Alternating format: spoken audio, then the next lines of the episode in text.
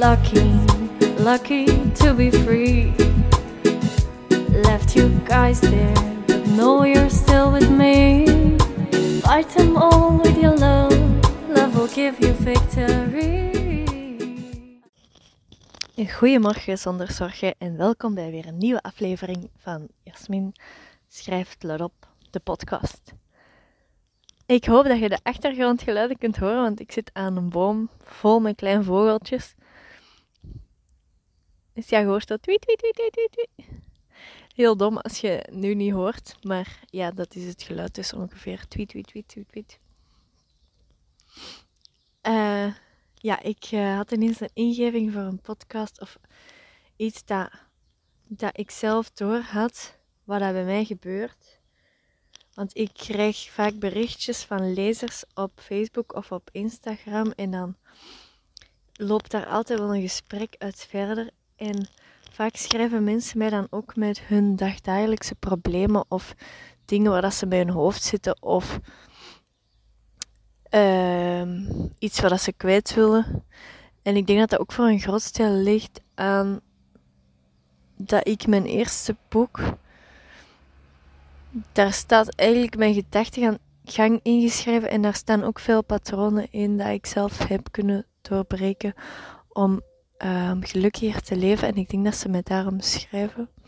Maar ja, waarom maakt eigenlijk niet uit. Het is wat ik zie mensen die daar altijd heel gevangen zitten in hun eigen leven, of die daar altijd heel opgesloten zitten, of veel problemen ervaren en niet goed kunnen nadenken over wat dat echt belangrijk is.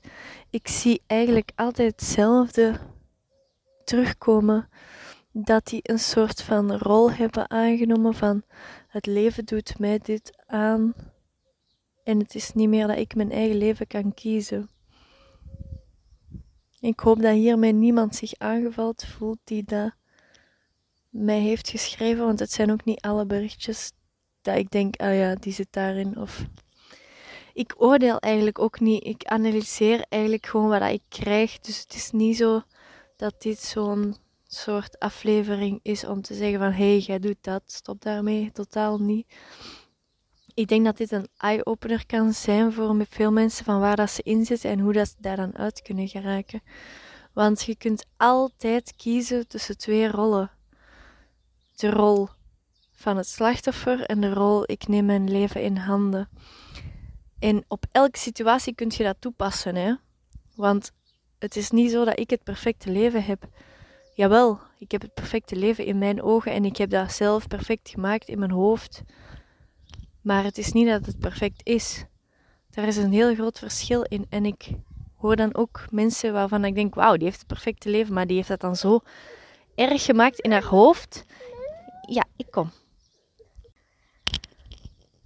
En dus, waar was ik? Ah ja, het perfecte leven bestaat niet. Je maakt dat zelf in je hoofd. En uw hoofd kan kiezen voor de slachtofferrol of het hoofd kan kiezen voor de rol ik neem mijn leven in handen. En omdat ik zo het neem mijn leven in handen hoofd heb gemaakt van mijn eigen hoofd, denken mensen vaak dat ik het perfecte leven leid. En dat is ook, want mijn hoofd heeft dat zo gemaakt, dus ik vind mijn leven ook echt geweldig.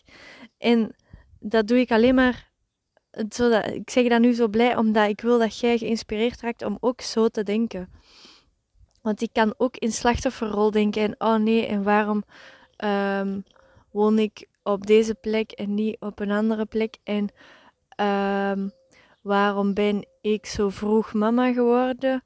Waarom heb ik voor een schrijverscarrière gekozen? Waarom ben ik met Geronimo? Waarom uh, woont mijn familie zo ver in België? Dat is allemaal slachtofferrol. Want ik heb er allemaal zelf voor gekozen en ik sta daar duizend procent achter mijn keuzes. En ik ben er echt ook oprecht, elke dag word ik daar gelukkig van, omdat ik zie welke momenten dat mij diep geluk brengen.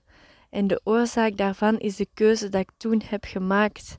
En ja, er zijn ook ongelukkige momenten, maar daar leg je je focus niet op. En dan verdwijnen die vanzelf meer en meer. Dat wil ik vooral zeggen met deze aflevering. Je kunt altijd zelf kiezen welke rol dat je aanneemt. En dan is dat van ja, maar Jasmin, maar ik heb die schoonmoeder. Of mijn vader doet zus en zo. Of ik heb mijn moeder al twee jaar niet meer gezien. Of ik uh, heb geen zin om social media te doen. Of ik, oh, ik kan zoveel. Dit is niet dat ik moet bedenken. Dit is gewoon van berichten dat ik mij herinner. En als je nu toevallig daar één van bent, dat je u herkent, zie dat echt als een liefdevolle um, schouderklop of zo. Een liefdevol setje dat ik u wil geven, om dat je zelf je mindset daarin kunt veranderen. Je kunt zelf op dat moment kiezen. Want uit elke pijn komt ook een soort van nerve. Hier ben ik weer met mijn Engels. Komt een soort van. Um, geen nerve is misschien niet het juiste. Komt er energie vrij of zo, die dat je ook kunt gebruiken om in goede dingen te investeren. Dus als er bijvoorbeeld een conflict is met iemand, voelt je die walm aan ruwe energie en je kunt die ook omzetten in, um, door daar iets goed mee te doen. Dat geeft u ook op een bepaalde manier energie. Oké, dat is misschien niet de energie dat je wilt hebben, maar je kunt die wel transformeren. Dat geeft u die, die ra. Als je bijvoorbeeld lui in je zetel ligt en er begint iemand tegen u te roepen, dan maakt dat u ook wakker in uw hoofd en je kunt dat wakker momentje ook gebruiken om bijvoorbeeld, stel dat je een schilder bent, om dat te uiten op uw canvas of dat te gebruiken om um, emotionele foto's van te maken als je nu een fotograaf bent bijvoorbeeld. Je kunt alles altijd gebruiken. Alles wat u slecht overkomt en wat dat u doet voelen alsof je een slachtoffer bent van je leven, kunt je altijd omdraaien. Dat is net zoals ik mijn boek schreef over mijn tijd in mijn gevangenis dat was ook een slachtofferrol ding of zo. Ik had ook kunnen zeggen, oh arme ik, waarom heb ik daar gezeten? Ik ga heel mijn leven scheef bekeken worden omdat ik in een gevangenis heb gezeten. Oh, en als ik daarmee naar buiten kom, ik ga niet meer buiten durven komen, want mensen gaan allemaal iets over mij denken, want wie gaat er nu in godsnaam in Egypte wonen? En hoe dom ben ik wel niet geweest om dat te doen? En het was mijn eigen keuze en ik maak altijd de domste keuzes en stop daarmee. Stop daarmee. Dat is uw goud. Echt waar, dat is uw goud. Al hetgene wat u nu doet voelen alsof dat je een slachtoffer bent van je leven, dat is uw goud. Ik had bijvoorbeeld een heel ding ook met een schoonmoeder en ik heb daar met zoveel mensen over gepraat dat ik daar zoveel verbinding heb uitgehaald. Er zijn zoveel mensen dat iets hebben met familie of met uh, vrienden of er zijn zoveel uh, dingen binnen relaties waar dat eigenlijk niemand over praat, maar dat wel speelt onderling. Dus als je zelf dat gesprek begint, dan zie je ook dat een ander daar ook mee zit. Maar dat is niet de reden om niet hetgeen te doen wat jij wilt doen. Dat mag geen excuus zijn, nooit niet. Nu niet, morgen niet, gisteren niet. Daar wilde niet, zo wilde niet leven. Je wilt niet op je sterfbed liggen en denken van, ah ja, maar toen in die periode heb ik niks gedaan omdat mijn vriend depressief is het eerste wat in me opkomt. Omdat ik natuurlijk ooit die depressieve vriend had. Maar dus... Um, dat mag geen excuus zijn. Echt niet. Je, ah, het is makkelijk om te zeggen, maar je kunt je daar boven stellen door uit die slachtofferrol te komen. Neemt je leven in handen. Je bent hier nu vandaag om iets te doen.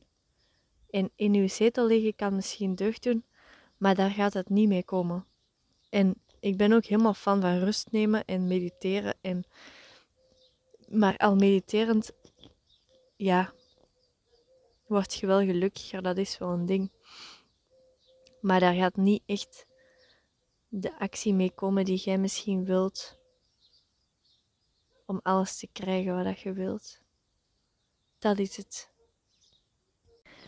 Als ik daar zo over nadenk, omdat ik net zei, je kunt jezelf niet in. Ik denk dat het makkelijker is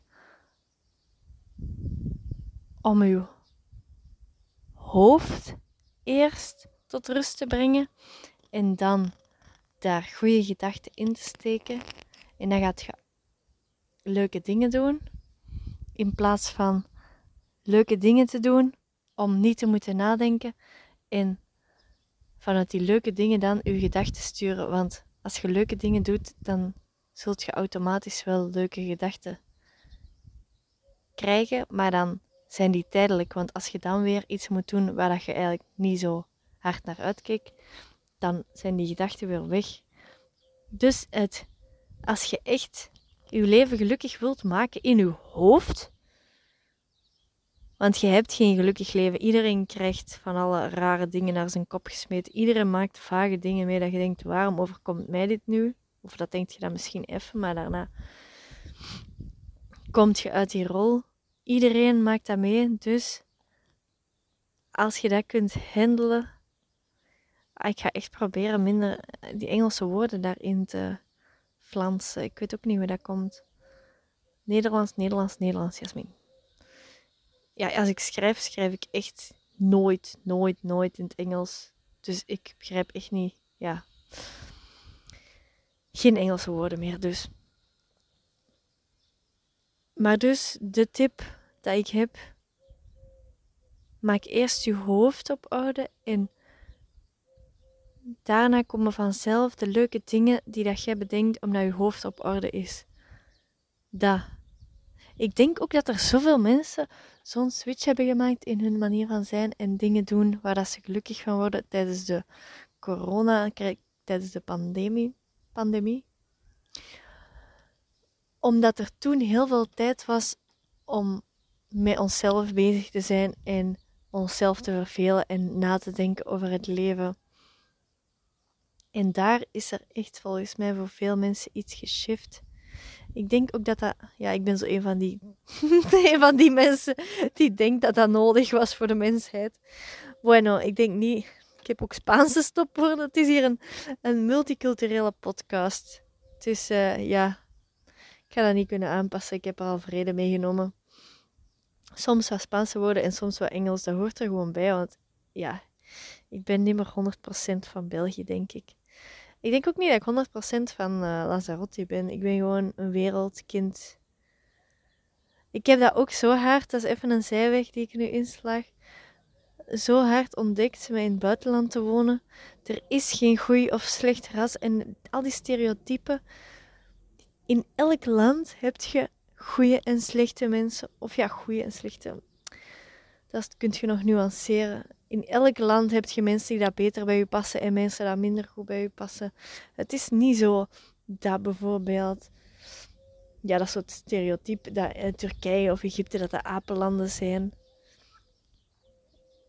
Uh, daar komt je ook mensen tegen van alle rangen en alle gedachtepatronen. En het is niet zo dat je iedereen over dezelfde kam kunt scheren. Ik denk gewoon als je zo'n idee hebt over Turkije bijvoorbeeld, komt dat omdat je eigenlijk alleen maar heel korte gesprekken hebt gehad met uh, de mensen die in hotels werken aan de receptie of um, opdienen in restaurants. Dat zijn ander soort gesprekken dat je daar hebt dan dat je daar bijvoorbeeld zou wonen. Iedereen woont overal, zeg ik altijd. De momoe dat jij hebt, die daar in hetzelfde dorp woont als u, zo'n soort momoe woont ook in Bolivia en zo'n soort momoe woont ook in Zuid-Korea Zuid-Korea. De wereld is veel kleiner dan dat wij eigenlijk in België soms denken of in Nederland. Zodat dat hokjes denken, daar ben ik echt helemaal vanaf.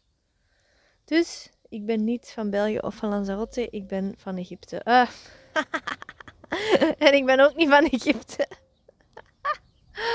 Ergens wel, want in Egypte heb ik echt wel mezelf teruggevonden, omdat ik daar heel veel tijd met mezelf heb doorgebracht. En daar ben ik eigenlijk tot de conclusie gekomen dat het schrijven iets voor mij was. Dus ergens ben ik herboren in Egypte, zo kan ik het wel noemen. Maar ik ben niet van Egypte, ik ben meer van de wereld. Maar ja, dat gezegd zijnde, um, in Egypte heb ik ook wel dit geleerd waar ik het nu over heb dat je geen gelukkig leven ineens zomaar vindt. Je maakt dat zelf door dingen te kiezen waar dat je gelukkig van wordt en door je hoofd op orde te hebben. Maar ik denk dat het dus, wat ik net al zei, maar dat kan hier ook op terug toegepast worden. Eerst je hoofd op orde maken en dan gaat je vanzelf de juiste keuzes maken. Andersom is meestal moeilijk, want dan gaat je stijgeren. Als ik op mijn achttiende keuzes zou gemaakt hebben dat ik nu zou maken, zat ik nog in die angstfase en zou ik gestijgerd hebben van het idee dat ik zou moeten leven van boeken en heel zuinig zou moeten zijn. En um, de eerste jaren gewerkt zou hebben zonder ook maar een rotte cent te verdienen. En dan zou ik denken, wat als? Wat als ik nu kantoorjob had gekozen en wel kon rondkomen? Of wat als iets anders mij ook zou liggen? Maar nu kan ik met zekerheid zeggen dat iets anders mij niet ligt. Ik kan niet functioneren in een andere job, want dat past gewoon niet bij mij. En ik word er gewoon misselijk van. Letterlijk. Mijn moeder zei over laatst: Sorry, mam, dat je hier weer inkomt. Want ik weet ondertussen ook dat mijn moeder dat soms luistert. dus ik moet oppassen wat ik hier zeg. Maar ik denk dat ik dit wel mag zeggen. Mijn moeder zei over laatst: Ja, ik kan soms echt als ik naar de winkel ga en het is zo heel druk, kan ik daar misselijk van terugkomen. En dan denk ik ook, ja, dat is gewoon omdat dat niks voor u is dan eigenlijk, hè, dan naar de winkel gaan. Dat wil zeggen dat je dan op die moment eigenlijk rust nodig hebt en niet naar de winkel moet gaan. En dacht ik, ja, tegenwoordig zijn er toch ook zo systemen van collect en go. En dan ga je spullen halen. Uh, dan komen ze je spullen brengen. Of dan ga je die halen aan de winkel. Ik weet niet juist hoe dat, dat werkt, want ik gebruik het niet. Ik vind naar de winkel gaan eigenlijk wel leuk. Voor mij is dat een soort reis door het dromenland. want ik denk dan bij alles wat ik uit de rekken pak, denk ik van, oh ja, dat ga ik maken. En dat ga ik daarmee... Oh, en dan kan ik dat nog eens eten. En oh, ja, en op die dag eten we dat. Oh, en dat ga ik eten als ik dat en dat en dat heb gedaan. En dat maakt winkelen voor mij heel leuk. En ook het feit dat ik nu gewoon naar de winkel kan gaan zonder die tijdsdruk. Ik had in België zo vaak zo rap rap naar de winkel gaan, zo een lijstje. Ugh, verschrikkelijk. En nu is dat meer zo met je buik gaan winkelen. Ah, heerlijk vind ik dat je staat die rekken en je denkt, hmm, wat zal ik daar nog bij doen? En dan zo, hmm, oh ja, nog iets zoet met iets zout. Misschien hebben meer mensen dat, maar ik ben echt een heel erg fan van zoet-zout combinaties. zo, ja, geen idee waarom ik het hier nu over heb, maar ja, het kan maar inspireren. Dus zo'n zoete meloen dan bijvoorbeeld, zo'n oranje, ik weet niet of je dat dan noemt. En dan zo met van die serrano ham er rond of parma. Oh, vind ik heel lekker. Of uh, ja, kaas met druiven. Zo, ah, dat is zoet met zout. Ik ga er echt helemaal wild van. Maar dus, um, terug bij, bij de zaak. Vroeger snapte ik die zin dus totaal niet van um, je vindt geen gelukkig leven, maar je maakt een gelukkig leven. En ik dacht dan, ja, maar in mensen dat de lotto winnen, hè, die vinden dan toch een gelukkig leven. Maar ik denk niet dat dat iemand echt gelukkig maakt, de lotto winnen. Als je nu bijvoorbeeld, um, ja, altijd terug bij een bureau, dus omdat je er zo allergisch aan bent. Als je nu bijvoorbeeld een secretaresse bent in weet ik veel, een bouwbedrijf. en um, je wint dan de lotto en je stopt met werken, dan gaat dat nog niet zo vervullend zijn. Daar ben ik 100% zeker van. Als dat jij bijvoorbeeld, um, zoals mijn nicht die dan fotograaf is geworden, als die dan haar eerste centen verdient met echt iets waar dat ze haar ziel, hart en ziel in heeft gelegd en die ziet dat ze mensen gelukkig maakt met haar foto's, dat. Dat is het echte geluk. Daar zit het echte goud. Het is niet in dat extra geld. Want ik had ook eens een erfenis en ik dacht, wauw, maar dat is het niet. Daar zit het hem niet. Het zit hem in dat geluk dat je met anderen dan kunt delen met iets wat dat jij met hart en ziel hebt gedaan. Daar zit voor mij het echte geluk. En ik denk dat ik dat mag doortrekken voor de rest van de wereld hier. Ik heb ondertussen met zoveel mensen al gepraat. Vooral op social media bedoel ik dan. En, ah ja, dat wil ik ook nog. Ik vind dat eigenlijk af moeten van dat IT, want ik hoor dat ook zo vaak op Instagram en op Facebook. Dat mensen zo zeggen van, ja, dit is maar social media. Maar dat is echt zo niet waar. Waarom wordt er zo'n onderscheid gemaakt tussen het echte leven en social media? Ik heb daar ook mensen waar ik bijna dagelijks mee praat. In audioberichten dan, spraakberichten. En die voelen voor mij ook nu echt als deel van mijn leven. En die voelen ook echt vlak bij mij. En ik heb daar soms meer raakvlakken mee dan mensen dat ik in mijn dichte omgeving heb. Dus contacten dat je hebt op sociale media kunnen ook even, minstens even vervullend zijn als contacten dat je hebt in real life. De wereld is zoveel kleiner geworden daardoor ook. Je kunt mensen van over heel de wereld leren kennen. Hè? Ah. Oké, deze podcast heeft echt heel veel zijwegen, maar dat is oké.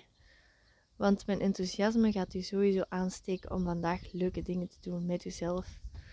En uw hoofd wat te ordenen, moest je daar nood aan hebben.